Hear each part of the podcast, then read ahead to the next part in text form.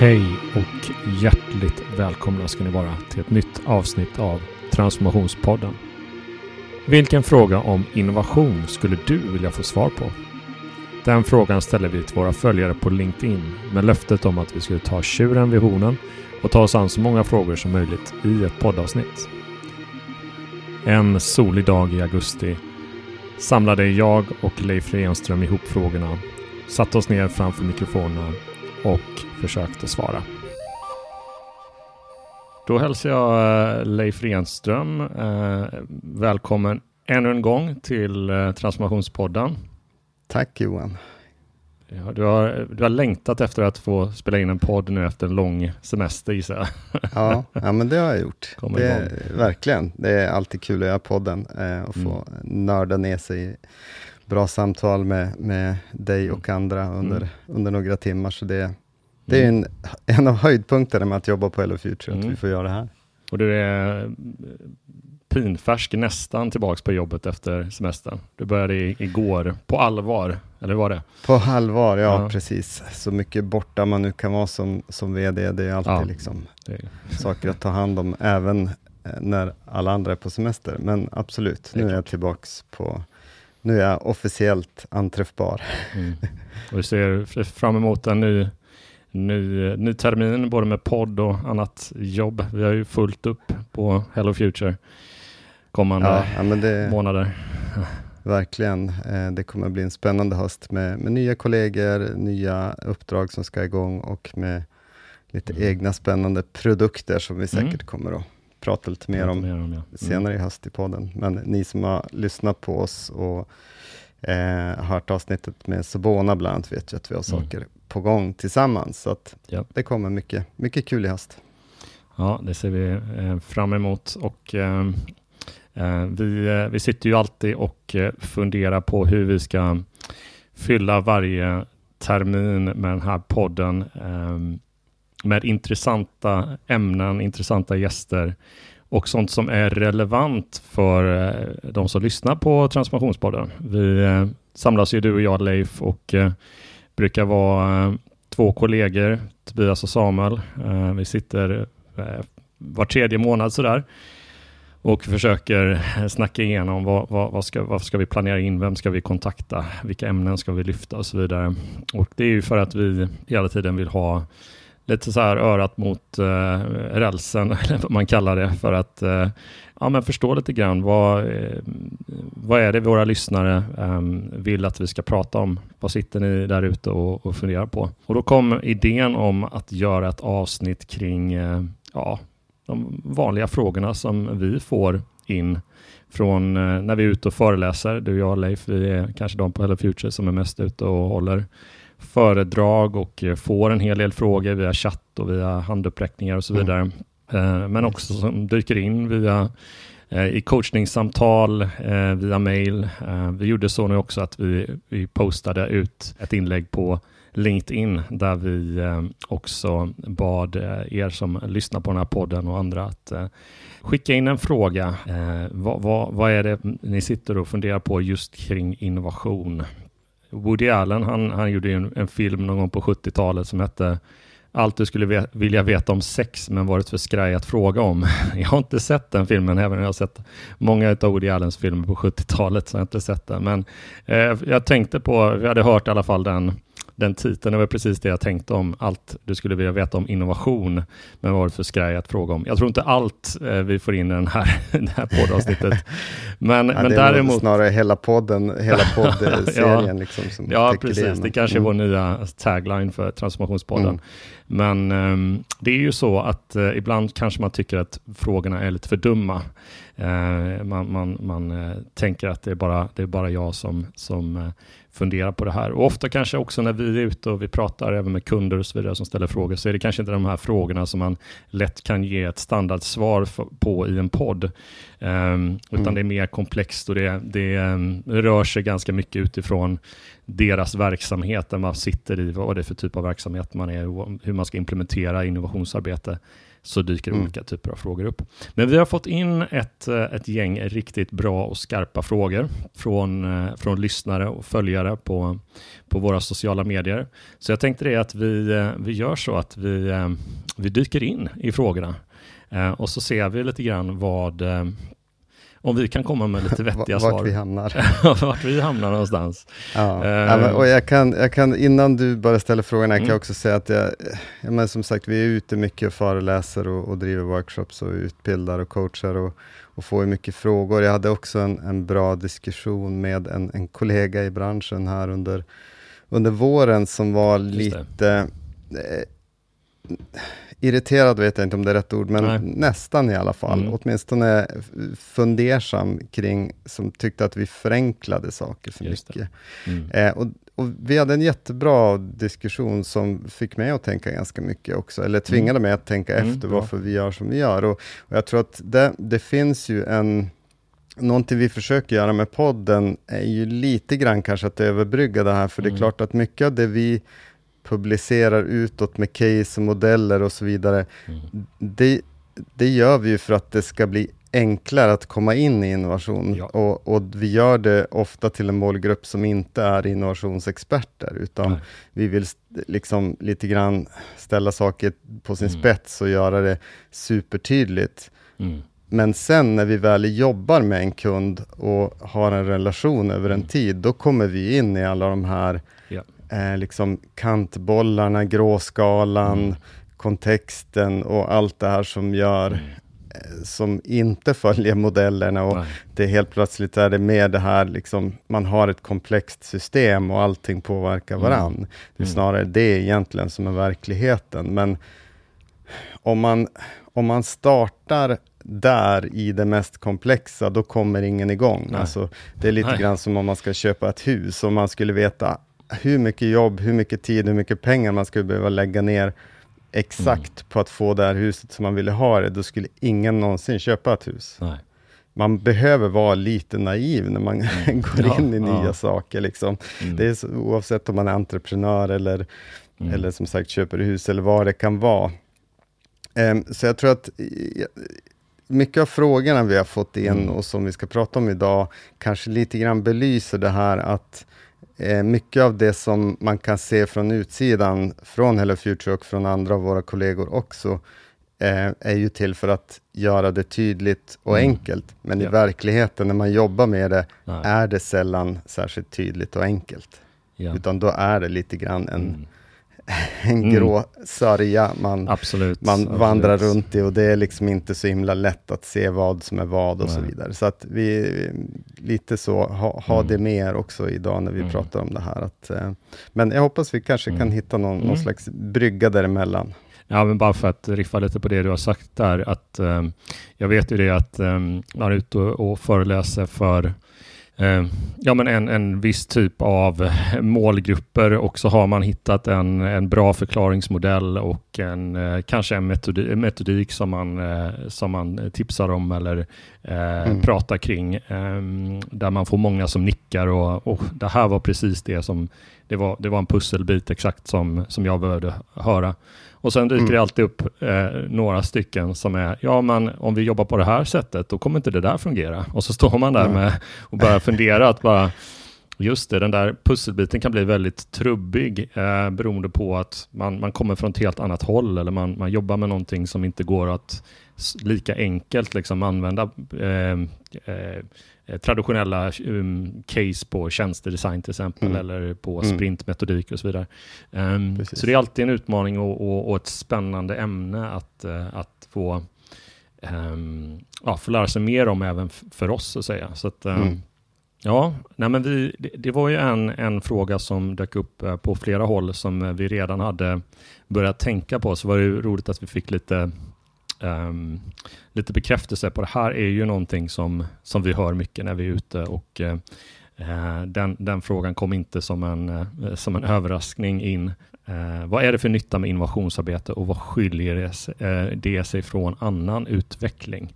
Um, mm. Och jag tycker det här det är något som, som du har ju förklarat också i, i, i vårt nyhetsbrev och så vidare hur, hur, hur, eh, hur skiljer sig om man pratar verksamhetsutveckling, innovation, eh, det finns ju andra typer av begrepp också, forskning, utveckling, eh, teknikutveckling, ehm, det kan, det, det kan, lätt bli en röra och, och en, en, utmaning för en person som jobbar med innovation att även liksom motivera nyttan med just innovationsmetodik, mer kanske utforskande. mm. Arbete jämfört med den traditionella eh, ja, verksamhetsutvecklingen eller produktutvecklingen. Ja, Vad, absolut. Vad tänker du kring det? Jag tänker att om vi, om vi kallar någonting som vi inte har idag, men som vi vill ha, om vi kallar det för utveckling, liksom, det, det är liksom den stora bollen, det stora området som vi jobbar med. Vi jobbar med att utveckla mm. någonting nytt. Och inom det så kan vi då slicea upp det i en massa olika subområden, där då mm. egentligen innovationsarbete är ett subområde. Men vi har ju också då affärsutveckling, vi har ju förbättring och kvalitet, mm. eh, vi har ju R&D, research and development, ja. vi har forskning och så vidare. Så det finns en massa subområden och ska man vara helt ärlig så överlappar ju de flesta av de här områdena. Ganska ordentligt. Ja. Men eh, här är ett, ett sånt ställe där vi brukar gilla att förenkla det så mycket så att det kanske blir på gränsen till mm. fel, mm. men det blir så pass tydligt så att man i alla fall kan få ihop någon typ av mental bild. För men alla mentala mod modeller är ju förenklare av verkligheten. Ja. Det, det, är därför man gör dem, för att det är någonting som är komplext och vi vill förenkla det så att det mm. blir enklare för oss att, att, att förstå det och kunna liksom flytta runt ja. pusselbitarna så att vi, vi kan använda det till någonting. Och där brukar vi prata om att exempelvis då affärsutveckling, som ju finns i, i stort sett i, i vartenda bolag och företag, mm. det är någonting som dels har ett, ett väldigt externt fokus. Man gör det ju mm. eh, oftast för att utveckla någonting för sina kunder. Mm. Um, men det har också andra egenskaper. Det är nästan alltid någonting som man gör um, för att tjäna mer pengar här och nu. Det, det mm. är relativt sällan man sätter liksom en mm. femårshorisont på ett Nej. affärsutvecklingsinitiativ, utan det, det, handlar... Och när jag säger det här så kommer någon att säga, jo, fast jag vet ett som... Jo, absolut, ja, det är det vi menar ja. med den här gråskalan, ja. att det är överlappande. Jo, mm. det finns exempel mm. på det också, men vanligtvis, generellt, så är affärsutveckling ganska mycket här och nu. Det är mm. utifrån treboxmodellen, låda ett. Vi vill mm. liksom tjäna mer pengar på sånt vi redan har, genom att kanske förpacka det på olika sätt, genom mm. att eh, men om vi slår ihop det här och det här, då får vi det, det där. Och, och det, kan, jag menar, det kan definitivt vara inne och gränsa på innovation. Eh, mm. Det kan det definitivt, men sättet man jobbar med det har oftast mer att göra med sälj och marknad än med mm. innovation. Mm. Mm. Det är oftast väldigt så erbjudande fokuserat och, och, det kan också vara mycket förpackning av någonting. Att mm. vi, vi har någonting so, som vi redan har, men hur kan vi mm. framea det på ett nytt sätt? Eh, kan, man liksom, kan vi sälja det som en prenumerationstjänst istället? Eller kan vi, mm. liksom, om, om vi, du får den om du köper här så får du det här med på mm. köpet. Teckna ett abonnemang hos oss så får du även med en brödrost. Liksom. Den typen av grejer. Ja. Ja, men, så, så det är saker ofta som finns här och nu och det är ju relativt sällan som det krävs någon, de, de flesta mm jag själv jobbat som affärsutvecklare också. De flesta jag vet som jobbar som affärsutvecklare i alla fall, och nu, nu är det Leif som pratar, inte nödvändigtvis mm. Hello Future, men mm. från min, mitt perspektiv så är det relativt sällan man har någon slags liksom, gedigen utbildning för att vara affärsutvecklare, utan ofta kommer man från att man är lite så här, en, en påhittig, kreativ person som har jobbat mm. inom sälj och marknad. En ganska mm. vanlig profil för att jobba mm. med affärsutveckling. Mm. Och ingenting är bra eller dåligt med det. Vi pratar ingenting sånt, liksom Nej, bra eller dåligt, fult eller fint, utan mm. det, det, är det det är. Gör man affärsutvecklingsinitiativ så är de oftast för att att kunna liksom, öka intäkterna på någonting mm. relativt snart. Mm. Så att det, det är lite grann runt affärsutveckling. Och sen har vi andra sidan av, av låda 1. Det, det, där är ju, affärsutveckling är öka intäkterna oftast då, mm. i låda 1. Medan då kvalitet, förbättring, effektivisering snarare syftar till att spara pengar i låda 1. Mm. Alltså att, mm. att göra, göra det vi gör, fast med mindre resurser. Effektivisera eller mm. få mindre fel, få mindre reklamationer, ja. eller liksom inte behöva göra om det så ofta. Alltså helt enkelt mm. jobba smartare, mer effektivt och kanske också göra att kunden upplever en högre kvalitet, men det är inte nödvändigtvis så. Det, det är kanske mm. snarare att vi inte slösar bort en massa tid och energi mm. på att göra det här vi ändå ska göra, utan vi, vi gör rätt hela tiden. Mm. Och, och, det är en ganska... Här kan ju också, det kan också definitivt vara inne på innovationsområdet, för det kan hända att vi kommer på någonting, eh, en effektivisering som är väldigt ny för oss, och då är vi ju mm. definitivt inne på, på, på innovationsområdet, och det, det kanske ja, det kanske är rent av en innovation, men, mm. men väldigt mm. ofta så är det ganska relativt många små saker istället. Mm. Eh, att det handlar om att ja, men, vi sätter in ett, kanske ett digitalt system här, som hjälper oss mm. hålla reda på de här sakerna, så att vi inte liksom behöver mm flytta papperslappar här, eller vi behöver mm. skicka någonting fysiskt där, eller mm. vi kanske gör dig digitala signaturer här, för det går mycket mm. fortare och det blir rätt och alla vet direkt och så vidare. Mm. Det, mycket digitalisering eh, finns ju inom det här mm. området. Eh, och det är ju Lean, Six Sigma och så vidare, är ju mm. sånt man är, är van att, att jobba med inom mm. förbättringsområdet. Mm. Och det, oftast är det ju ett internt fokus när man jobbar med det. Även här har vi tidsaspekten. Då. Om vi tittar, det, det är sällan, även här, som man säger att vi ska göra ett förbättringsarbete och det ska vara klart om fem år, utan mm. relativt ofta vill man se effekter på det mm. ganska snart. Det är oftast någonting man ganska lätt kan räkna på sådär. Är det värt att två personer jobbar med det här under ett tag? Mm. Jo, för att vi kan spara så här mycket pengar om det här, om vi kan göra det så mycket snabbare. Eller mm. det, det, är ofta sådana räkneexempel inblandade i, i förbättringsarbete. Mm. Att gör vi det här bättre, snabbare och så vidare, då tjänar vi så här mycket. Eller mm. då slösar vi inte så här mycket och därför är det mm. värt att sätta de här mm. resurserna på det. Så ganska enkla, enkelt att göra kalkyler på det. Mm. Ehm, så det, det är liksom förbättringsområdet.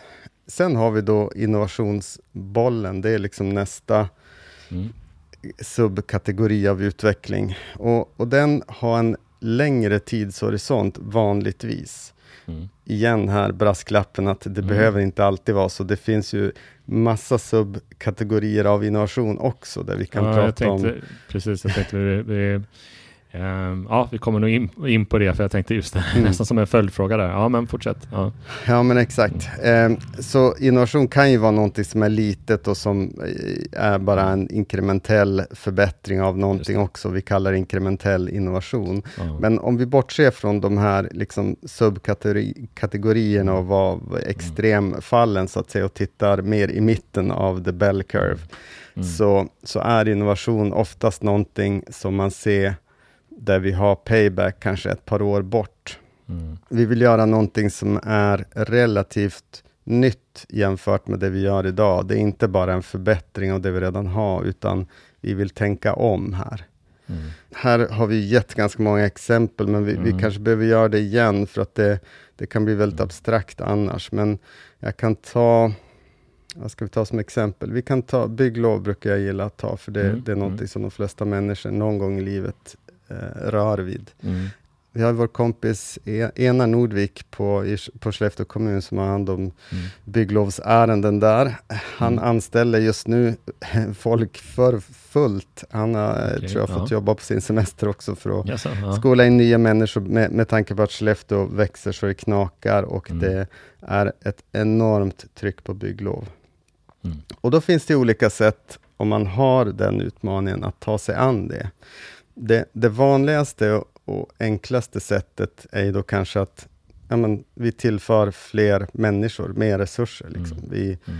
vi sätter fler handläggare Och, och, det är mest troligt väldigt vettigt att göra det, för då, mm. då vet vi vad vi får. Så har vi fem handläggare idag, vi sätter dit tre till, så vet vi att vi får förmodligen, vi kanske inte får ut procentuellt så mycket mer som vi hade extra handläggare, men vi, vi får ut säkert mm. 20 procent, 30 procent mer i alla fall. Mm. Mm. Sen finns det ju andra saker man kan göra. Man kan ju då jobba med förbättringsbiten också och säga att mm. ja, men, låt oss titta på, finns det någonting i den här processen som vi gör den idag, som vi skulle kunna effektivisera? Kan vi göra det enklare, exempelvis då, vilket man ju har gjort då, mm. i de flesta kommuner, att skicka in eh, bygglovet digitalt, så att vi kan ta emot det i något format som blir enkelt för oss att hantera och enkelt för någon att skicka in. Vi kortar liksom handläggningstiden lite grann där. Mm. Ja, men det är en typisk förbättring, effektivisering. Men om vi då tittar på innovation, så vad skulle, vad skulle Enar kunna göra utifrån innovationsbubblan? Jo, men det skulle mm. ju vara om, om man sa så här, okej, okay, jag tänker att vi behöver göra en, en studie kring de som lämnar in bygglov. Låt oss mm. intervjua 25 personer som mm. nyss har lämnat in, som kanske håll, har ett ärende just nu mm. och som kanske har gjort det här nyligen och höra ja. vad de har för liksom, vad är deras tankar runt det här? Hur mm. gick det? Vad hade de för frågor? Vad tyckte de var mm. svårt? Och så vidare. Göra en, en insiktsstudie helt mm. enkelt. Mm. Eh, när man har den insiktsstudien så kan man ju då para den med en, en till studie där man då exempelvis skulle intervjua handläggarna på hans mm. avdelning mm. och titta på vad, vad tycker de är svårt? Vad tycker de är flaskhalsar? Vad, vad skulle de behöva för, liksom, vad, vad, kan de se för saker mm. som tar mycket tid av dem och som kanske är tråkigt mm. eller vad, vad det då kan vara. Liksom. Och så kan vi börja pussla ihop en bild av vilka, vilka stora utmaningar har vi mm. när det gäller bygglov? Och så kanske vi ska komplettera den med liksom, vad är lagrummet vi jobbar med här? Vad, vad finns det för juridiska aspekter här? Vad, vad är det för något vi måste uppfylla för att det här ska vara liksom, juridiskt tryggt och säkert och så vidare. Och då när vi, om vi gör en sån kartläggning, vilket ofta är starten i ett innovationsarbete, då kan vi ofta börja se att men här finns det ett område, liksom, handläggarna säger det här, det här tar tydligen mycket tid för dem och utifrån medborgarna så säger de också att den här frågan tycker de är svår och otydlig. Mm. Ja, men då har vi ett område där vi kanske kan börja att tillämpa innovation på. Mm. Om vi mm sätter oss en grupp kloka människor och försöker komma på 300 idéer runt det här mm. Mm. området, som, som verkar vara ett problem, vad kan vi då komma fram med? Och, mm. och där någonstans, då börjar man liksom trampa in på det här innovationsområdet, att mm. okej, okay, hur skulle vi kunna lösa det här på ett, ett helt nytt sätt, där det kanske mm. inte längre handlar om en, en effektivisering av det vi redan gör och ett nytt system, eller förtydliga instruktionerna för de som skickar in, utan mm. det kanske finns en helt annan teknisk lösning eller något moment som inte ens längre behöver finnas med, eller mm. ja, någonting som gör att det här helt mm. plötsligt blir liksom fem gånger så enkelt, mm. snabbt eller mm. tydligt eller kul, eller vad det är mm. man försöker få fram då. Och, och, det är det här som är innovationsarbetet. Egentligen den här annorlunda frågan, hur kan vi mm. göra det här på ett nytt sätt, snarare än hur kan vi göra det här mer effektivt, eller hur kan vi mm. tillföra mer resurser till det här? Mm. Och någonstans när man jobbar med utveckling, i Enars fall med byggloven, så är det ju självklart att han ska tillföra mer resurser till sin avdelning, för att snabbt komma upp i kapacitet och kunna möta den efterfrågan som finns här och nu. Men någonstans kommer det att finnas kommer inte på det svenska ordet, men diminishing returns, alltså det kommer mm. inte att ge så mycket längre. Han kommer inte det. få ut så mycket effektivitet av att Nej. lägga till liksom, 50 Nej. nya handläggare. För det blir massa andra problem med det. Mm. Eh, så att någonstans finns det ett, kommer det att uppstå ett behov av att dels mm. gå in på den här liksom förbättring och effektiviseringsbubblan, mm. men någonstans når man vägs ände där också mm. och behöver börja titta på, kan vi kan vi göra det här på ett helt nytt sätt mm. som gör medborgarna mer glada, gör handläggarna liksom ja, gör handläggarna mer glada också, får det här mycket, mycket mer effektivt än idag. Mm. Nej, jag bara reflekterar över det här ordet liksom osäkerhet, alltså höjden av vad vi inte vet om, mm. bara det här med att du pratar om att göra de här typen av insiktsstudier och så vidare, handlar ju om att ta mm. reda på saker och ting vi inte vet.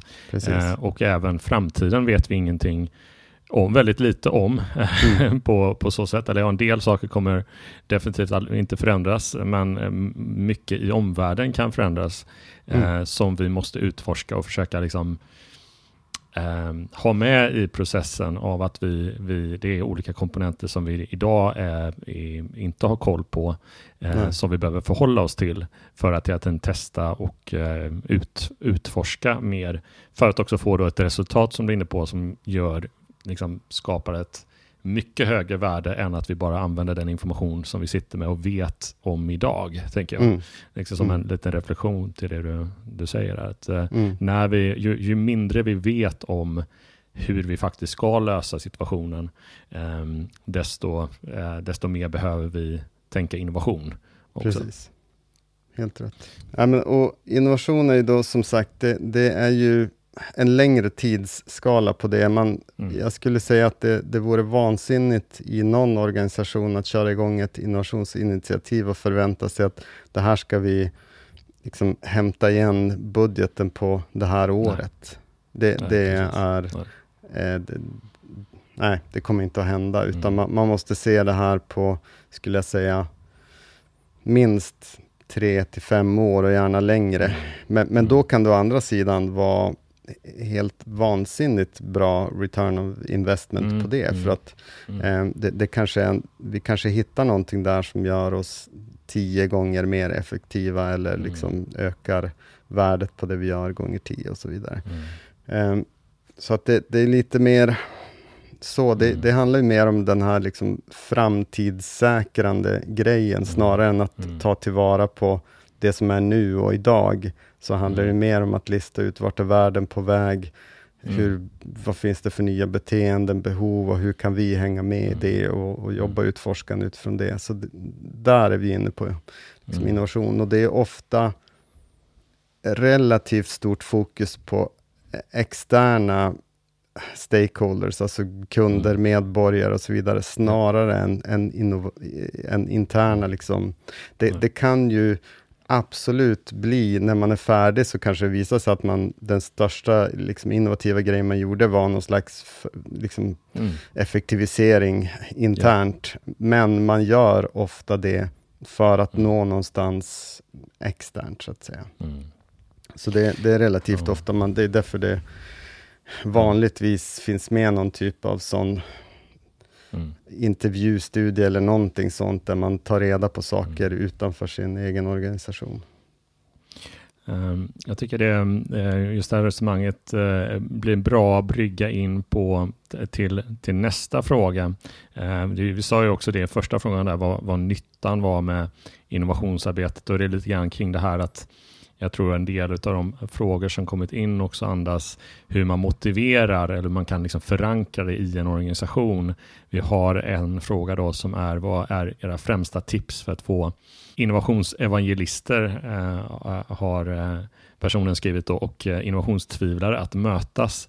Eh, det vill säga att för en del är det helt självklart, vi måste tänka innovation, medan andra tycker det är mest bara riskfyllt. Och jag kan tänka mig att Eh, oavsett om man jobbar i en väldigt traditionell, ett stort, stort bolag eller kanske en startup eller en eh, offentlig verksamhet så har du väldigt olika Eh, argument till eh, varför man ska satsa mm. på, på, på innovation.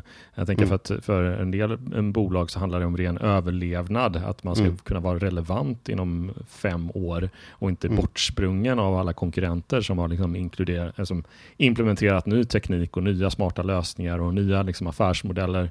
Um, och även naturligtvis för, för, för, större, för större bolag och för offentlig sektor så kan det handla om att man, man ser vissa, vissa problem riskerar att bli större eh, och prognoserna för att eh, vissa samhällsproblem, om de så eh, rör liksom bristen på personal i vården eller mm. klimatomställningar eller vad det är, eh, kommer eskalera kommande, kommande åren och man man vet, man ser att ja, men så som vi jobbar idag eh, kommer inte vara nog. Ge oss mer resurser, men det är kanske inte mm. det som är lösningen. Eh, hur, hur eh, vad tänker du kring det här med att försöka liksom få in ett eh, en, en, stark motivation och rörelse i, i organisationer kring att faktiskt eh, satsa på, på, på innovation och inte bara förknippa det med att det, det är risk och det är liksom experiment som inte kommer leda någonstans? För det första skulle jag väl säga utifrån det som vi redan har pratat om också, mm. så borde det väl vara någorlunda tydligt att, att de här är ju inte egentligen konkurrenter till varandra, utan det, det, är ju definitivt eh, och vi, vi, ska göra mm. affärsutveckling, mm. förbättring och innovation. Ja. Eh, och de, de fyller olika funktioner och jag brukar ibland säga det att det, det är ju egentligen lika absurt att vi skulle säga, sätta eller här, att så här, vi ska jobba med mm. förbättring eller innovation. Eh, det är ungefär som att säga i en organisation att vi ska jobba med HR eller ekonomi. Ja. Alltså, var, varför det? vi ska jobba med både människorna mm. och ekonomin. Vi, vi, vi, kan inte bara titta på det ena eller det andra, utan vi måste hitta en balans där. Det är mm. klart att vi, det vore jättekul för alla anställda om vi bara kunde sådär, kompensera dem tills de var de lyckligaste människorna i världen, men det klarar mm. inte ekonomin av. Och samma, det är klart att vi skulle, vore kanon om vi kunde bara liksom skära på alla kostnader och mm. tjäna så mycket pengar som möjligt, men då skulle vi förmodligen inte ha några anställda kvar, så vi måste hitta balansen där. Och det är precis mm. samma sak med innovation. Vi, vi kan inte bara titta på ett sätt att jobba med utveckling. Vi behöver ha en större verktygslåda än så. I vissa fall så är det enkla liksom saker som kanske har mer med marknad och sälj vi behöver göra. I vissa saker kommer det vara effektiviseringar som är, är svaret och i vissa fall mm. är det någonting okänt och då är vi inne på innovation. Liksom. Så att det, mm. det, det, är inget motsatsförhållande alls. Eh, mm. Däremot kan jag absolut förstå, och då är vi inne på liksom mänsklig psykologi, att man kan bli rädd och kanske också lite frustrerad och irriterad om man exempelvis jobbar med, med förbättring och, och är verksamhetsutvecklare mm. och har satsat ganska mycket tid och energi på det. Mm. Och så kommer det någon på sidan och säger, nej men nu ska vi jobba med innovation. Mm. Och så helt plötsligt, ja men hallå, liksom, jag har mm. just lärt mig det här och vi, vi, har, vi, vi börjar precis liksom bli varma i kläderna här och komma någonstans mm. med det här. Ska vi nu, aha, ska vi göra någonting nytt nu? Nu är det liksom mm. något annat som gäller. Ja, så jag kan, jag kan absolut förstå den känslan, men eh, den är, tror jag mer på en då är vi nog nästan mer inne på liksom organisationspsykologi och mm.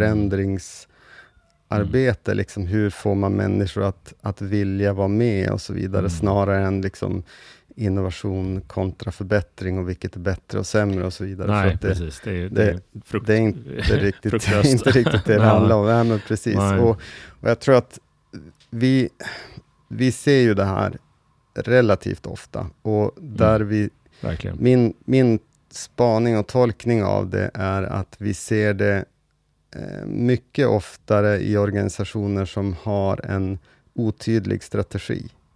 Mm. Eh, där kanske budgeten och verksamhetsplanen är det som man kallar för sin strategi. Mm. Helt enkelt, vi ska göra nästa år lite grann som förra året, fast kanske mm. 4 mer. Eller något sånt. Liksom. Och har man det som sin strategiska grund, då förstår jag också varför alla de här frågorna kommer. För var, varför ska vi då jobba med innovation? Det finns egentligen ingen mm. vits med det. Mm. Eh, utan innovation kommer ju som en naturlig följd om vi står mm. inför relativt svåra utmaningar, som mm. vi har mm. sagt att de Exakt. här utmaningarna vill vi ta oss an. Mm. Om, om vi tänker att, att, att vi ska, om vi är nöjda med exempelvis skolan i Sverige som den är mm. idag, vi vill bara att det ska mm. finnas lite fler lärare. Ja, men då är det ju inget innovationsproblem, då är det ju liksom ett resursproblem. Mm. mm. Men om det är så att vi inte är nöjda med skolan, för att vi ser att det dyker upp så mycket, eh, mycket olika NPF-diagnoser, förmodligen på grund av att skolan ställer sådana krav att folk med låga dopaminnivåer har svårt mm. Att ta sig igenom den.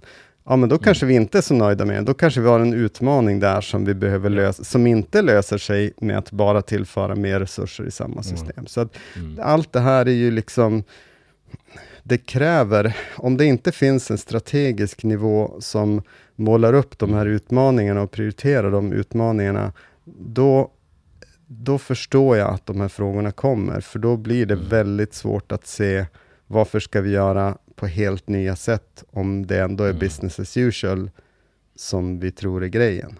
Mm. Nej men precis, jag, jag tänker just det här om man ser hur, hur man ska mötas då i en, i en organisation. Alltså det är väldigt viktigt för det, de som leder det här och det strategiska, sätter upp den här typen av visioner och så vidare inte rent kulturellt liksom premierar de som är liksom, här har vi de nya innovationsgänget här som är liksom eh, VIP-personer och så blir det liksom mut, muttrar de andra organisationerna som sitter mm. och men ja, vi fick mindre resurser på att göra de här grejerna. Jag fick en, en, mindre anställd i mitt team som vi, och vi mm. har häcken full här med att lösa, lösa dagens problem. Mm. Då är det ju väldigt lätt att det blir liksom vi mot dem eh, liksom, eh, den, den, typen av spänningar och det vill man ju verkligen undvika på något sätt. Man vill ju att alla ska uppleva att de, att de för, går åt samma håll och skapar mm. eh, nytta för verksamheten och att man även liksom känner att det finns en delaktighet i, i eh, innovationsarbetet på något sätt, även om det kanske inte är så att man, eh, man kanske behöver en, en avgränsad grupp som, som fokuserar just på, på innovationsprocessen. Då. Eh, så vill man ju inte ja, eh, man vill inte skapa friktion helt enkelt. Nej, eh, precis. Och relativt vanligt är det ju att man kanske då inte har det här strategiska lagret och har pekat ut mm. de här utmaningarna man ska ta sig an, men man ändå tillsätter någon typ av innovationsteam eller någonting som ska mm. lite grann göra de roliga, coola mm. grejerna så att säga. Mm. Och ganska oklart vad de ska göra. Och, och i det fallet, då förstår jag verkligen att man kan se att, men vad, liksom, vad gör de här? Jag kanske har gjort någonting som mm. effektiviserade och sparade liksom 20% på det här, någon annan har gjort mm. något som mm. ökade mm. intäkterna på det där och så vidare. Och de här Mm. Liksom, ja, människorna exakt. sitter bara här och kostar pengar ja. och har inte åstadkommit mm. någonting. Eh, men men då, det handlar ju 100% om att man inte har ett tillräckligt bra strategiskt arbete gjort, då, så att man kan peka ut mm. att det här är de viktiga utmaningarna som vi mm. måste ta oss an och lösa för att vi ska fortsätta vara relevanta om 5-10 mm. år.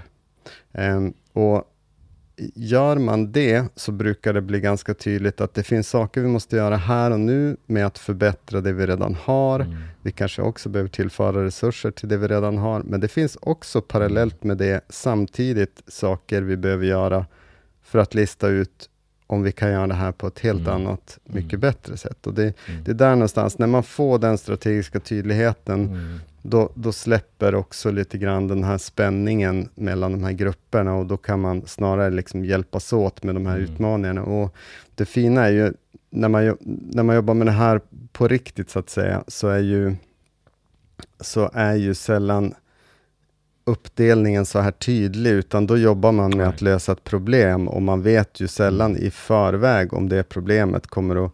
lösas om det blir en innovativ lösning på problemet nej, eller nej. om det är en förbättring. Eller, utan man, mm. man försöker kartlägga problemen, man försöker komma på kreativa lösningar på de problemen, mm. man försöker liksom sortera fram de bästa mm. sätten liksom utifrån ja, men det, det som är portföljhantering. Då, vad, vad ger mest bang for the buck? Vad får vi mest impact mm. på för minst insats? Mm. Och hur säkra är vi på det? Och, mm. så att det är ofta så det blir på riktigt, så det här är ju sällan helt skilda vattentäta skott, så länge det inte ja, är precis, ett jätteföretag, precis. där man har liksom Ja, men här har vi innovationsavdelningen, här har vi mm. affärsutvecklingsavdelningen, här har vi rd avdelningen här har vi forskningsgrejerna. Mm. Liksom. Det, det, är ju nästan aldrig så, utan mm. det är ju ofta en, en, mix av människor som gör det här tillsammans, och mm. ibland så tar man större kliv och ibland tar man mindre kliv. Ja, jag, bara egen erfarenhet och eh, många år på min gamla arbetsplats på Tillväxtverket så var det så att när det handlade om att skapa någon typ av framtida liksom, kicka igång innovationsarbete och även liksom mer den inkrementella delen så såg man ju att, att bästa resurserna är ju de som jobbar nära kunden idag. Mm. Alltså där kan vi ju liksom få ut mest liksom, guld i den här insiktsfasen som du pratade mm. om eh, mm. lite tidigare och eh, även eh, liksom hur verksamheten ser ut idag och sen var vi vill komma någonstans. Alltså, mm. eh, det blev en ganska naturlig, ständig liksom, involverande av personal i, i utvecklingsprocesser och idéprocesser för att, för att um, uh, man ville hela tiden hitta då, ja men nu är just det här området kanske var skatt Eh, mm. Ja, men då behöver vi verkligen um, få med de som, som, som sitter på, liksom de uh, har bäst koll på vad småföretagare just nu brottas med när det gäller liksom skatteansökan eller momsen eller vad det nu är. Mm. Och vi vill bygga någonting som, som förenklar det eller på något sätt på, på sikt kommer förändra hela, eh, hela sättet man redovisar moms på exempelvis. Mm. Så var det ett, liksom ett, ett enkelt go-to. jag tror att det, det behövs nog i en,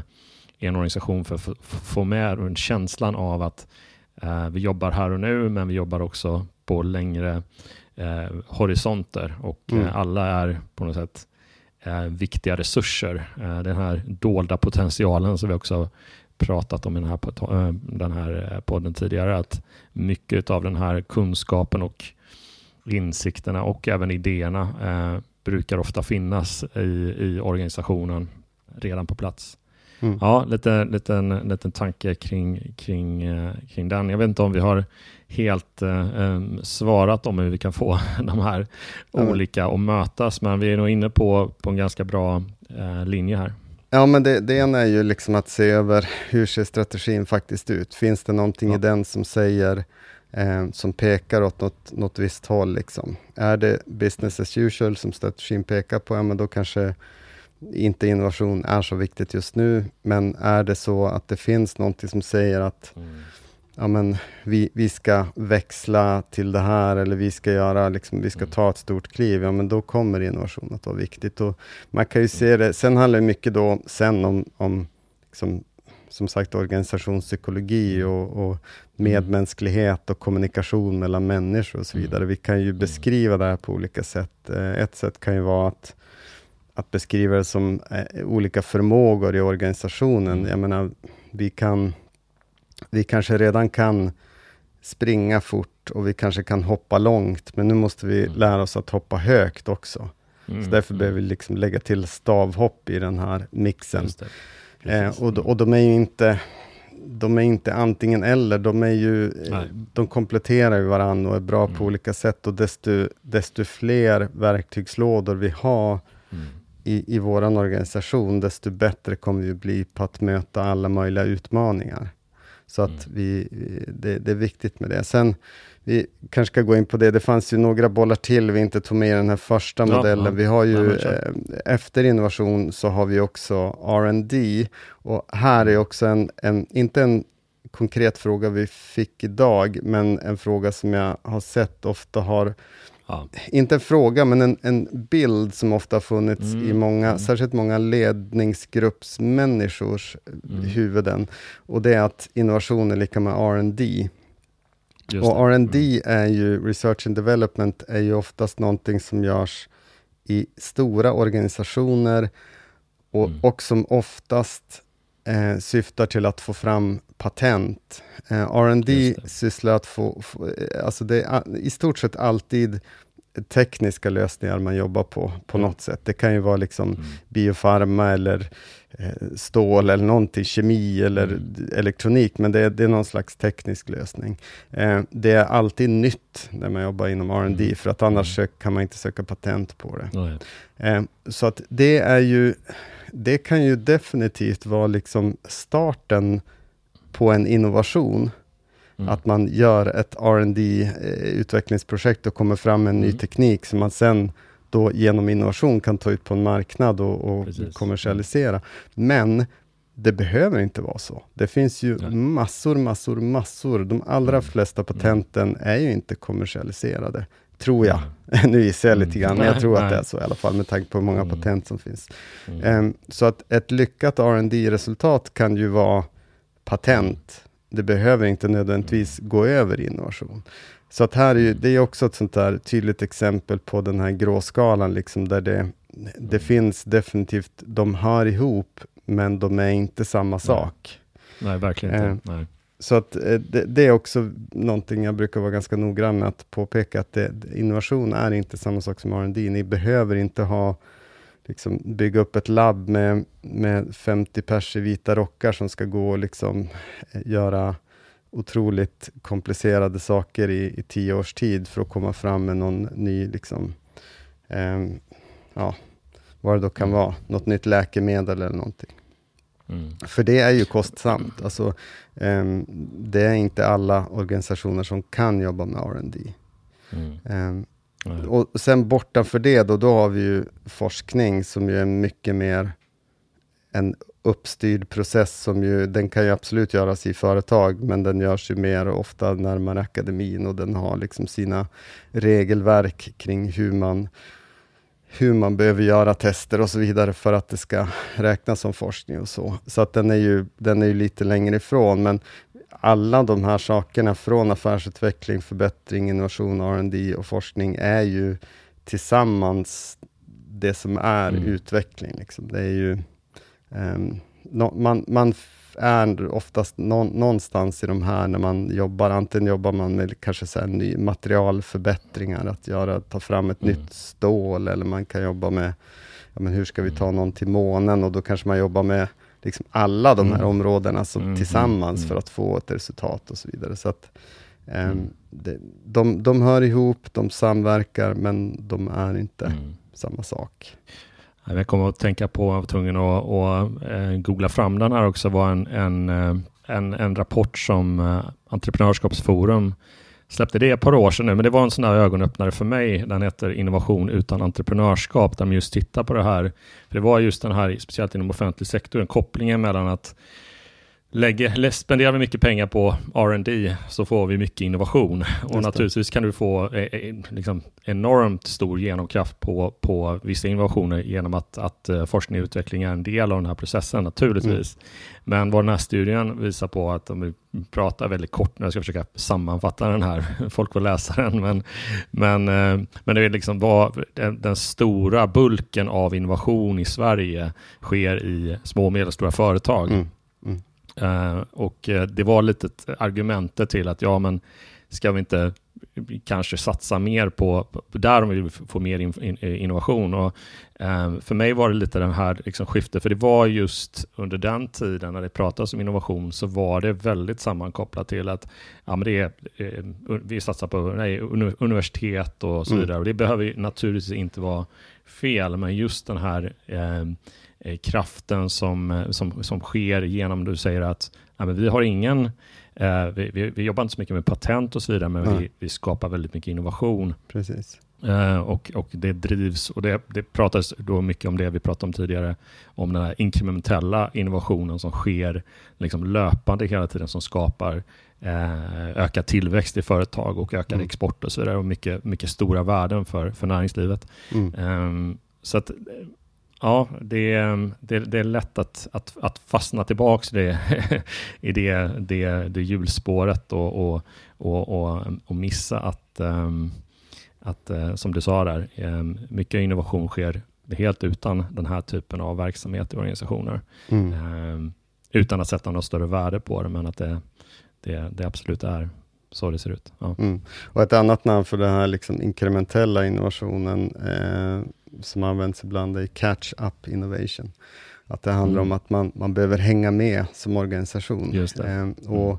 och det kan man ju säga då kanske är liksom förbättringar eller affärsutveckling, men ganska ofta så är det saker som mm. enligt definitionen hamnar inom innovation, mm. för att man börjar göra helt nya saker.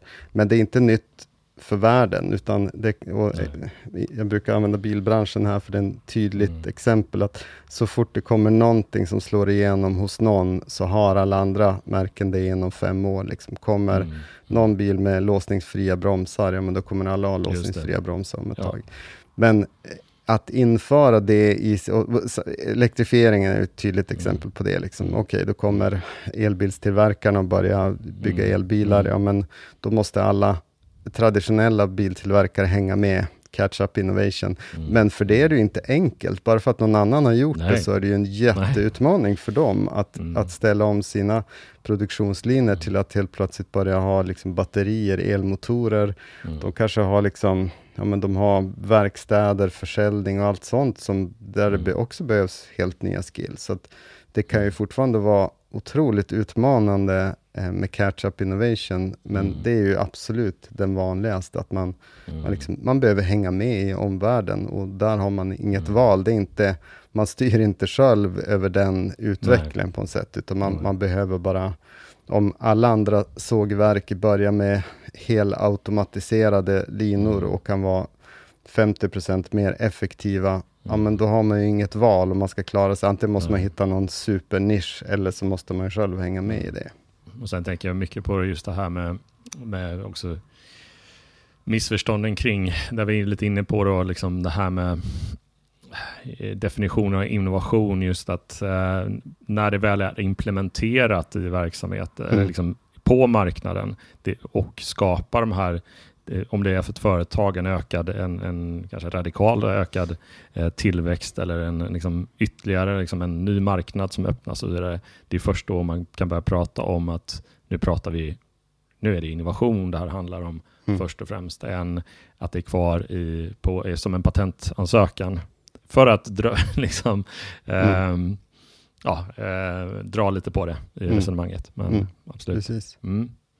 Ja, vi har, vi har rört oss kring det. Är, som sagt var, de här frågorna är kluriga och inte lätta att ge direkta svar på. Mm. Uh, och vi har varit inne på det här lite grann, du har pratat om treboxmodellen. En annan fråga var just det här kring balansen mellan eh, produktutveckling eh, och innovations, eh, innovationsarbete. Och det känns som att vi har rört ganska mycket i det. Den här treboxmodellen är ju ett, eh, ett återkommande modell som, som handlar just om den här balansen, att bli av det är kanske inte pratas så mycket om det här, det är ju också det vi kallar box 2. Det är att man måste släppa taget om, om saker också, det här att man ständigt måste jobba med både utveckling och innovation. Mm. Eh, men det blir också, på sikt ska det också göra att du måste ifrågasätta saker och ting i, i verksamheten för att kunna skapa den här balansen. Det går inte att eh, hålla på med, med fort, fortsätta göra det som inte fungerar. Nej, precis. Och sen är ju då, frågan var ju liksom just där, hur bal balanserar man innovationsarbete med vanlig produktutveckling i en stor organisation? Mm. Och, mm. och då blir ju eh, såklart en naturlig följdfråga blir ju vad, vad är vanlig produktutveckling? Liksom? Den kan ju se ja, väldigt annorlunda ut, men, men mm. det som jag tror menas här och, och som jag mm. tolkar det, eh, det är ju för det här har vi sett i ganska många, jag skulle nog säga särskilt mm. hos industriella kunder vi jobbar med, så har man oftast ett sätt att jobba med produktutveckling.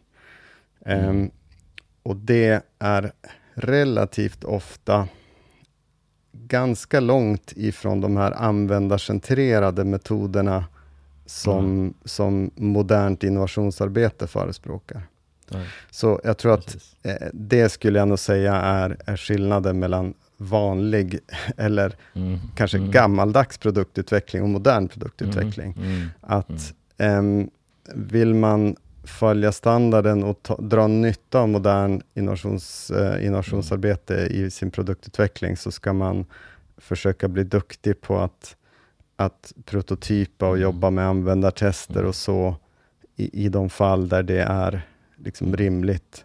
Det, det går att prototypa erbjudanden på långt fler saker mm. än, än, vad folk tror. Mm. Eh, väldigt ja. ofta så hamnar vi i situationer där de säger att jo, men det där kan jag förstå om det är någon som jobbar med att sälja konsumentprodukter, men vi, vi mm. gör ju det här. Och det är mm. inte så. Ja, men, men vi kan nästan alltid hitta ett sätt att prototypa mm.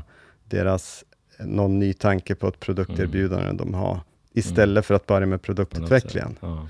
Istället mm. för att lägga ner tre år på att utveckla någon, någon ny liksom, mekanisk mm. konstruktion eller vad det kan vara, som mm. man egentligen inte vet om någon vill ha, så kan vi hitta sätt att, att liksom, antingen med fokusgrupper eller intervjuer eller produkter, liksom, mm. eh, ja, men, användartester, hitta något sätt mm. att, att åtminstone få lite grann mm. en känsla om, är det här värt att göra eller inte? så det skulle jag säga är väl den, det är det som är det, det moderna eh, jämfört med mm. vanlig eller traditionell produktutveckling. Mm. Ja, men jag, jag tänker att egentligen så är det ju vi skulle väl säga att oavsett hur vanlig eller hur innovativ den är, involvera kunden mm, för löpande få feedback på, på vad du vill ta fram, även om du kanske inte eh, siktar mot stjärnorna när det gäller mm. eh, innovationshöjden. Mm. Så eh, för att vara relevanta så, så borde man eh, in och applicera några av de här metoderna eh, i, i verksamheten oavsett. Och eh, det, det känns som de flesta nya, mer moderna organisationer som bara ska utveckla någonting litet. De kommer involvera, de kommer prototypa på, på, på, på, någon, på något sätt. Eh, eh, kan tänka mig. Ja, alltså det kan kännas så för att vi, vi kommer från användarcentrerad design och ja. eh, våra kollegor är därifrån och så vidare. Men mm. gå till vilket varuhus som helst i världen. Nej. Se dig omkring och titta på de liksom mm. bara fysiska produkterna i ett varuhus och, och fundera på hur många av de här har egentligen Finns det ett liksom, behov och efterfrågan på vad, vad är mm. användartestat och vad har liksom gått igenom en sån mm. process? Mm. Absolut finns det många exempel på det, men, mm. men det finns också, jag skulle nog säga att det fortfarande den stora majoriteten är snarare en mer, liksom, mm. som jag brukar kalla en konstnärlig process. Det är någon, någon ja. som kommer på någonting som de mm. själva tycker är smart och så tar man ut det till marknaden. Mm.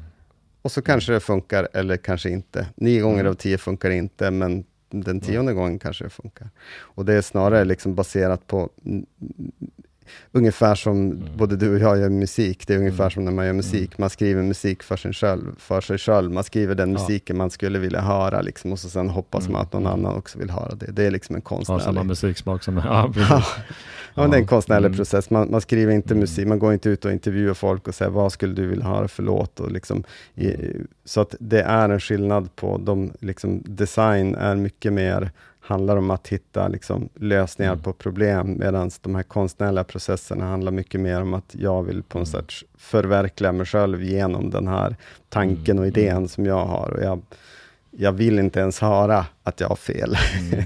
För att jag vill, jag vill genomföra, jag vill ta Nej. det här till sin spets och göra det färdigt eh, och släppa ut det till världen, för då, då är jag liksom satt min, mitt spår eh, här mm. i världen. Och, och, det, är också en, det är också en process. Det finns jättemycket mm. produktutveckling som ser ut på så, och tjänsteutveckling mm. också, som ser ut på, på det sättet. Så att eh, det, det, det, är väl fine om man vill göra det, om man har råd med det. Liksom. Mm. Men, eh, en bra brygga till, till, till, nästa fråga egentligen här, eh, som är då hur kan vi motivera försvara innovationsmetodik som är Eh, som den här personen skriver inom parentes, krånglig och tar längre tid. En gammal hedlig verksamhetsutveckling. Då är det igen, vad menar, vad menar vi med gammal hedlig verksamhetsutveckling? Det kanske är det, mm. precis det du sa där tidigare. Um, och jag skulle väl Eh, jag skulle säga där att, att eh, det som motiverar utifrån eh, det exemplet du hade där är ju att naturligtvis kan man liksom sätta pilen mitt på, på liksom dartplattan eh, genom att man har kommit på en, en intressant eh, tjänst eller produkt. Men det är en väldigt stor risk att inte testa tidigt och eh, involvera användaren och eh, mm. Eh, utgå från faktiska behov eh, och liksom göra den här, det här grundarbetet med att faktiskt förstå utmaningen och problemet. Ja, precis. När det gäller, spontant. Ja, absolut. Mm. När det mm. gäller tjänste och produktutveckling. Jag eh, mm. tolkar det här kanske lite mer som att gammal hedlig verksamhetsutveckling, tänker jag kanske mer handlar om mm. det här liksom Lean Six Sigma-sättet. Mm, okay. Alltså mm. att man att mm. det snarare handlar om att om vi gör många små förbättringar, så bygger det upp till att vi får en, liksom, mm. en bra förändring och vi kan göra saker mer effektivt ja. och, och, så vidare. Um, och att det då kanske kontra det här att vi ska liksom tänka hur gör vi det här på ett helt nytt sätt? Ja, just det. När vi och redan har investerat i allt det. Ja, men precis. Ja. Um, mm, mm. Så, det, det, kan, så tolkar jag den. Och, okay. mm. och hur kan vi motivera det? Vilka argument är för? Ja, men mm. det vad allting kommer ner till är ju hur, hur redo vill man vara inför mm. en förändrad framtid. Mm. Det är egentligen det det handlar om, för att om man hed, hederlig, gammal hederlig verksamhetsutveckling är jättebra på att, att se hur det är just nu, se problem, mm. släcka bränder, okej, vi måste göra det här annorlunda. Um, men det går ju bara på något sätt, det har ju, det har ju en vägs ände. Jag tänker att eh, som exempel kan vi ta energipriser som nu hösten mm. 2022 är höga, både vad det gäller el och vad det gäller eh, petroleumbaserade bränslen. Mm. Och har man då en verksamhet exempelvis som är helt beroende av el eller bränsle på något sätt, mm. vi säger att det är diesel, för att man har ett åkeri eller vad det är, mm. så kan man absolut med verksamhetsutveckling, med effektivisering, så kan vi, ja men vi kan köra lite långsammare med lastbilarna och kanske spara mm. liksom 10 procent eh, i energiförbrukning där, vi kan dra ner mm. temperaturen i eh, våra liksom, fastigheter, så att vi sparar några procent på elförbrukningen och så vidare. Ja, men det kan vi göra och det, och det är nog det första man ska göra också. Mm. Men mm vad händer om bränslepriserna går från 25 kronor för en liter diesel till 75 kronor för en liter mm. diesel. Då, mm. då, spelar det ingen roll att vi kör 10 kilometer Nej. långsammare och sparar några procent. Och det är ju att vara liksom att ha tänkt den tanken och vara någorlunda mm. redo för någonting ett, någonting helt annat helt om ifall att den här verkligheten kommer. Det är mm. det som innovation ska göra oss redo för, att vi mm. utforskar den här alternativa verkligheten. Um, mm. så, så det skulle jag väl säga är, är det stora um, argumentet för innovation. Mm. Man, mm. Gör man innovation på rätt sätt och jobbar med både strategi eh, och implementation, så mm. blir man duktig på att dels fånga upp signaler på, mm. på alternativa framtider liksom, som, mm. som kan hända. Och man blir också snabb på att ställa om när man ser att någonting håller på att hända. Mm. Så ja, det skulle jag säga är, är mm. varför man ska mm. jobba med innovation. Eh, och vi, ja, det finns väl ingen bättre tid under våran livstid i alla fall, att jobba med innovationer just nu, med tanke på hur mm. stökigt det är i omvärlden och hur mycket saker som påverkar oss, som vi har absolut ingen Nej. som helst påverkan på själva som, som individer.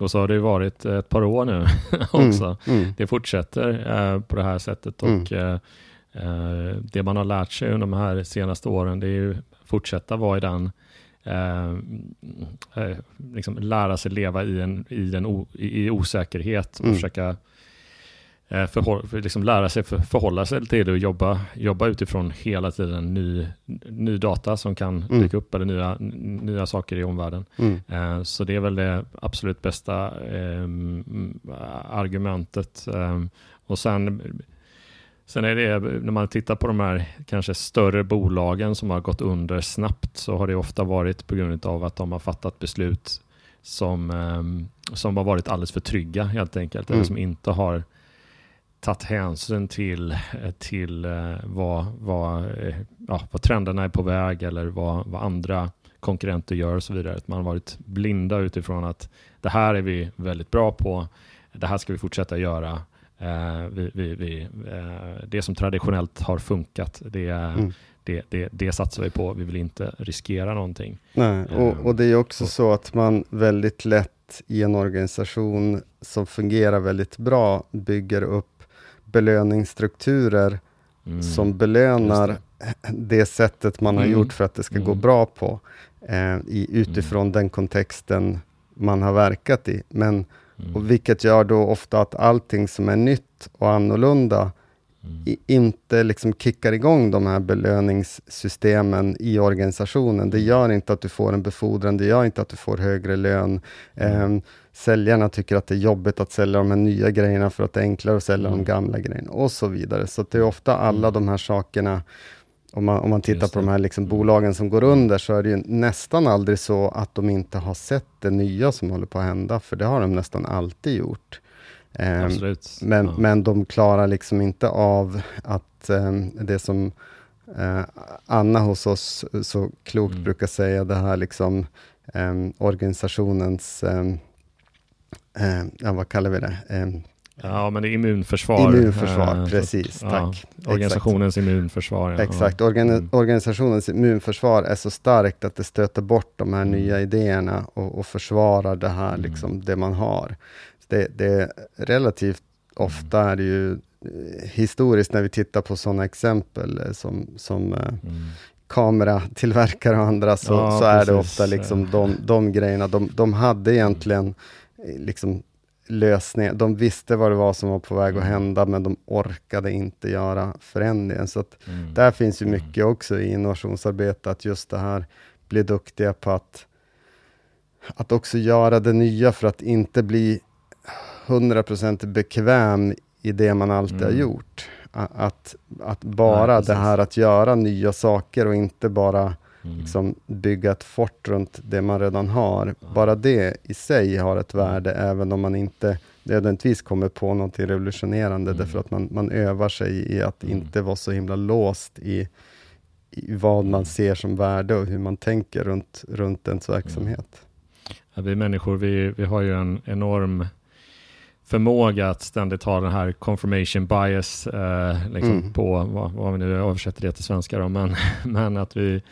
vi vill gärna få våra egna idéer, vårt eget, våra egna värden och sätt att se på världen bekräftade genom mm. den information som, som kommer in. Och har man det väldigt starkt i en organisation så, så är det lätt att det här immunförsvaret blir eh, rätt effektivt mot eh, att se saker på ett nytt sätt eller mm. ta in information som, som ställer saker på sin, eh, sin spets och så vidare. Mm. Eh, jag var inne på det här lite grann med tre, där vi pratar treboxmodellen då med låda två, det vi kan släppa taget om. Mm. Att man måste, man måste vara redo att kunna ge upp saker och ting som kanske mm. fungerat väldigt bra historiskt sett i, i, organisationen för att ge utrymme för, för det nya. Mm. Um, och uh, det ska definitivt motivera att, uh, att försöka jobba med innovationsmetodik uh, som, som i sin natur verkligen har eh, eh, har de verktygen egentligen för, för verksamheten. Mm.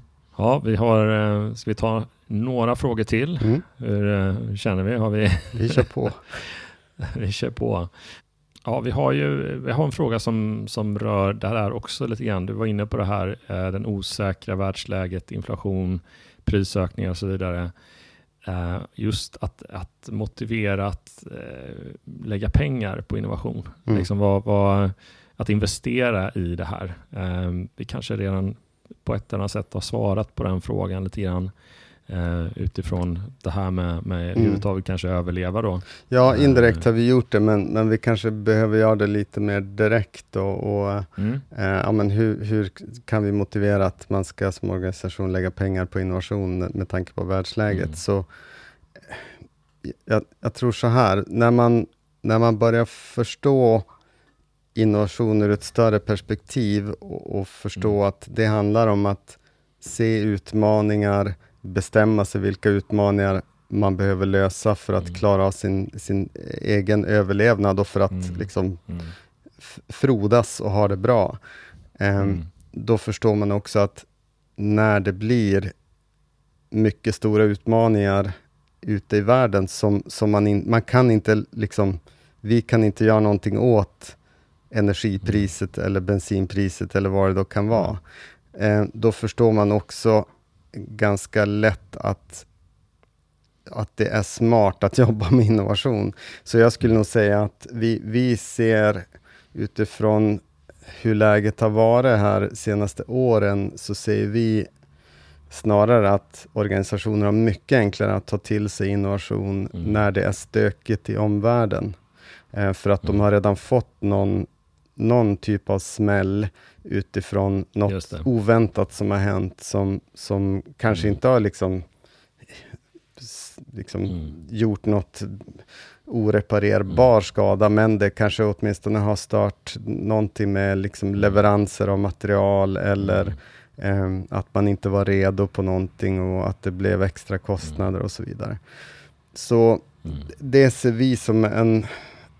Det är mycket enklare för, mm. för oss som Hello mm. Future mm. idag att prata om innovation när det är stökigt ute i världen, kontra vad det var exempelvis 2015 när Mm. Särskilt om man tittar på industrin då, där deras stora problem var att hinna liksom, tillverka och leverera mm. alla saker som efterfrågades, för att det var sån yeah. enorm högkonjunktur mm. och hade varit det egentligen sedan den här kraschen 28, då liksom, när den hämtade igen, så var ju liksom hela 10-talet var en enorm uppåtgång med, med nollräntor och enorm efterfrågan, så att då var, då var det ganska svårt att, att prata mm. innovation, för att det var lite så här, ja, mm. jag hör dig, det är säkert jättebra, men nu är våra stora problem att bara hinna tillverka och leverera de här grejerna, så att kom tillbaks om någon gång. Mm. Prova ringa mig igen om fem år. Ja. ja men lite så ja. var det, och det har vi sett, det har ändrats totalt. Um. Dels efter, eh, efter pandemiåren här och, och, nu då med, med liksom energikriser, räntor och annat som, som gör att vi... Ja, det, det är väldigt uppenbart för folk att okej, okay, det här som vi trodde att världen bara skulle vara som den har mm. varit och bara sticka mm. iväg uppåt och framåt och allt skulle mm. bara tugga på. Mm. Det, det, är in, det är inte så. Det är väldigt uppenbart att det inte är så. Så att mm jag, jag tycker det, det finns en enormt god förståelse mm. i de flesta ledningsgrupper som vi pratar med i alla fall, att, mm. att innovation, mm. att kunna lösa liksom större problem som kanske ligger utanför ens egen kontroll och ens egen mm. organisation, mm. men att hitta ett sätt att parera och möta dem eh, är mm. viktigt. Det, det är vad vi ser i alla fall.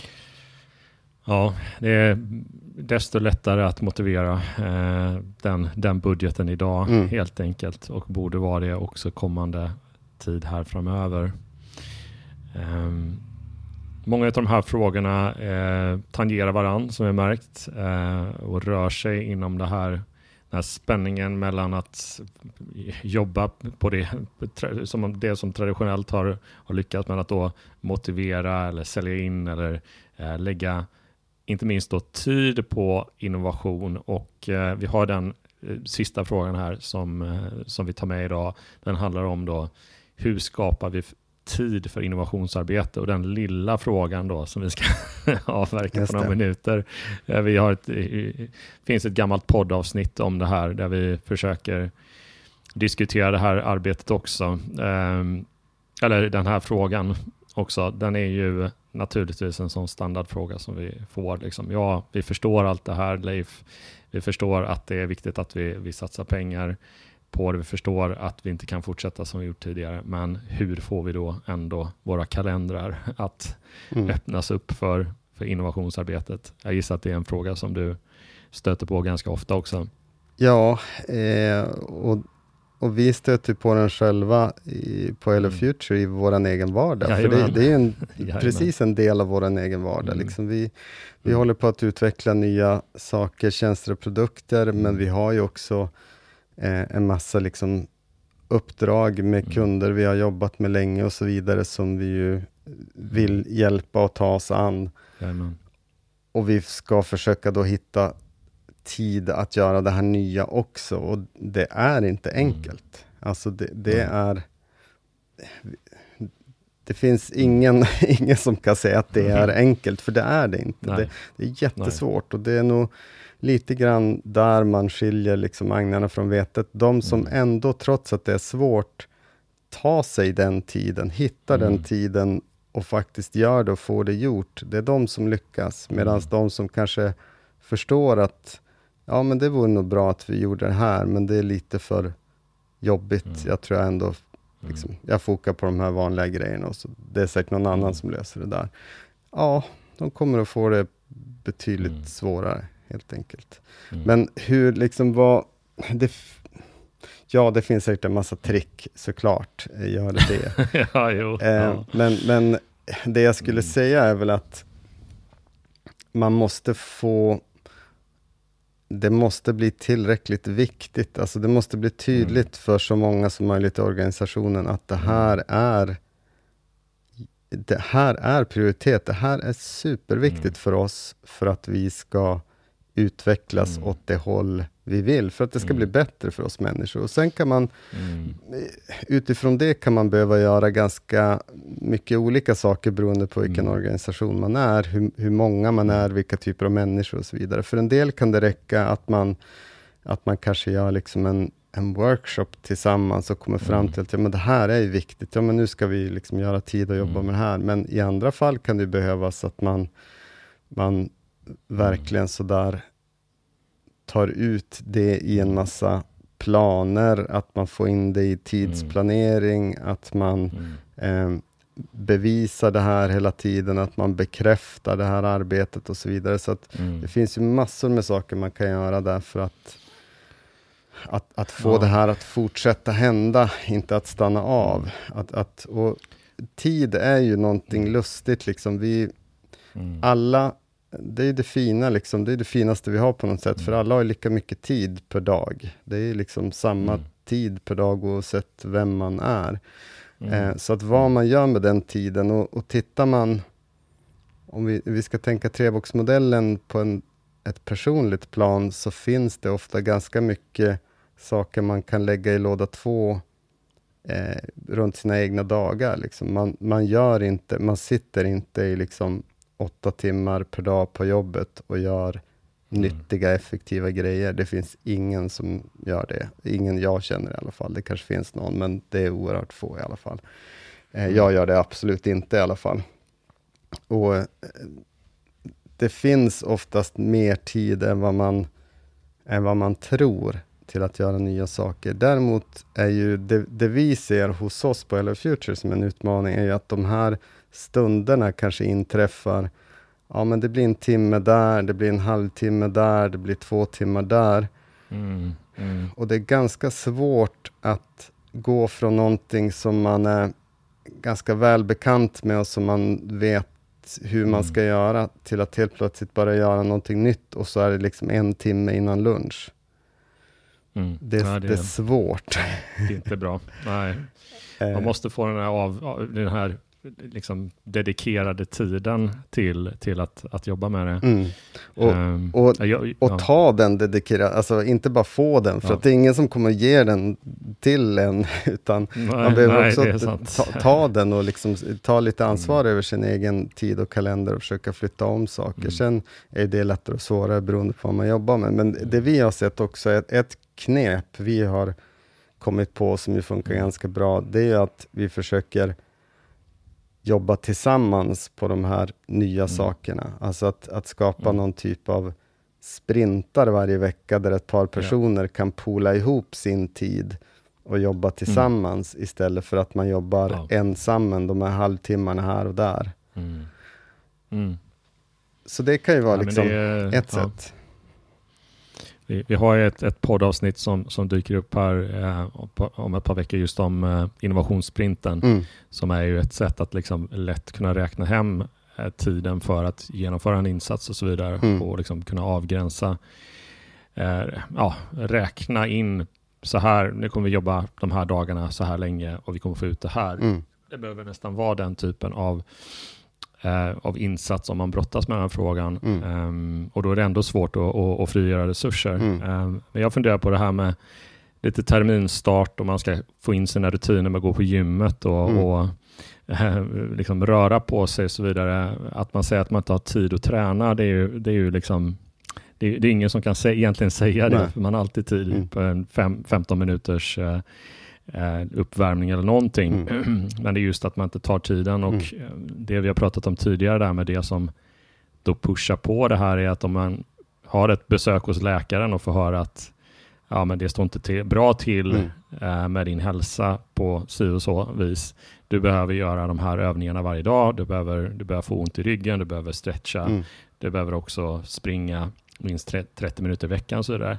Så ger det en helt annan urgency mm. till att faktiskt ta den tiden och, och göra det som doktorn mm. har sagt. Så när det, det, ena kommer ner från strategin och sense of urgency, um, omvärld, uh, ja, hur bra det går för bolaget eller organisationen och hur väl vi möter våra mål, så, så kommer det också motivera oss eh, mer och mer som organisation att ta den tiden. Mm. Eh, att att jobba, på, jobba med innovation, tänker jag spontant. Eh, lite så. Ja, nej men så är det. Det, Mm. det finns många knep man kan ta till och det är ju det här berör ju allting ifrån liksom vilken kultur, vilka beteenden har vi hos oss Mm. till ja, men, det här med, med organisationspsykologi och så vidare och, och beteenden och ja, alla de områden som finns runt Allt. det. Så det, ja, det är ju en, ja. en stor grej liksom hur man motiverar och Mm. får människor att, att, att göra Absolut. saker. Men, men, eh, och det, det kommer vi säkert att komma tillbaka till. Det här kanske, det kanske vore intressant för oss att Mm. liksom, Mm. titta på psykologin bakom det lite grann i kommande avsnitt. Mm. eh, tänker jag. För jag, som sagt, vi, vi har svårt att förklara det själva, men, men på Mm. något sätt, det vi, Nej. det vi ändå Ja. vet att vi, vi gör och som vi försöker få våra kunder att göra, det är att få, få in det, det första och, och enklaste, enklaste kanske fel Mm. ord, men det mest uppenbara är att få in det i en strategi, att det Mm. är strategiskt utpekat av organisationen, att det här är viktigt. Mm. För då har man som medarbetare någonting att luta sig sen mot och säga att ja, men jag la tid på det här. Det är också utpekat i strategin att vi ska göra det här, så att Mm. därför tog jag lite tid från det här och la här, för Mm. att eh, organisationen har ju sagt att det här är viktigt och då, då kan man liksom som Mm. ledare kan man inte gärna säga nej men det får du inte göra, för då, ja, ja, då Nej. går man emot strategin. Mm. Så försök få in det i strategin som det första och sen, sen finns det mycket annat vi, eh, man, Mm. man kan göra som är mer liksom Mm. psykologi och knep och kultur. Mm. Något att åt, återvända till. Jag tror att mycket av det vi har pratat om idag också ger nog ger oss tankar kring möjligtvis gäster att bjuda in eh, de som har forskat och tänkt längre på de här frågorna eh, som vi kan utveckla och eh, få mer nyanser. Eh, men vi har i alla fall eh, tagit oss an en, eh, en rad olika frågor som, som har kommit in från de som lyssnar på podden och som följer vårt, eh, vårt, vårt arbete. Jag hoppas att, att saker och ting har blivit lite klarare. Eh, I alla fall en, en, del, en del insikter har man nog fått genom att lyssna på vårt samtal här idag. Eh, och eh, Det var väldigt kul att vrida och vända lite grann på de här frågorna Mm. tillsammans med dig Leif, här i podden. Både du och jag återkommer snart igen för, för lyssnarna. Eh, men är det någonting du vill skicka med som en, som en sista liksom, Ja, men eh, tanke eller insikt som, som du, eh, du vill liksom krydda det här avsnittet Ja, men med? jag tycker ni ska fortsätta att skicka in frågor. Som, som ni ser här så Mm. gör vi ju faktiskt avsnitt där vi, vi svarar på frågor. Så att fortsätt Mm. skicka in frågor. Eh, Inga frågor om innovation är för dumma, utan vi fortsätter på det Nej. temat med allt, allt du har velat veta om innovation, men varit beredd om att fråga. Liksom. Ja. Eh, så vi, vi Ja. kommer att köra fler sådana avsnitt, så fortsätt höra Mm. av er med den typen av frågor. Ni kan nå oss på LinkedIn Mm. eller e-post eller gå till hellofuture.se så kan ni hitta oss och, och Mm. skicka mejl där. Eh, så Mm. det, det uppmanar vi verkligen till. Mm. Eh, och följ gärna liksom vårat, vi har ett ganska enkelt nyhetsbrev som kommer ut varannan vecka om ni, om ni gillar podden och vill ha lite mer matnyttigt än podden Mm. så, så kolla gärna in nyhetsbrevet. Där tar vi upp lite case och exempel och lite omvärldsbevakning och sånt som vi tycker är spännande. Mm. Så är man intresserad av det så Ja. signa upp via våran webb.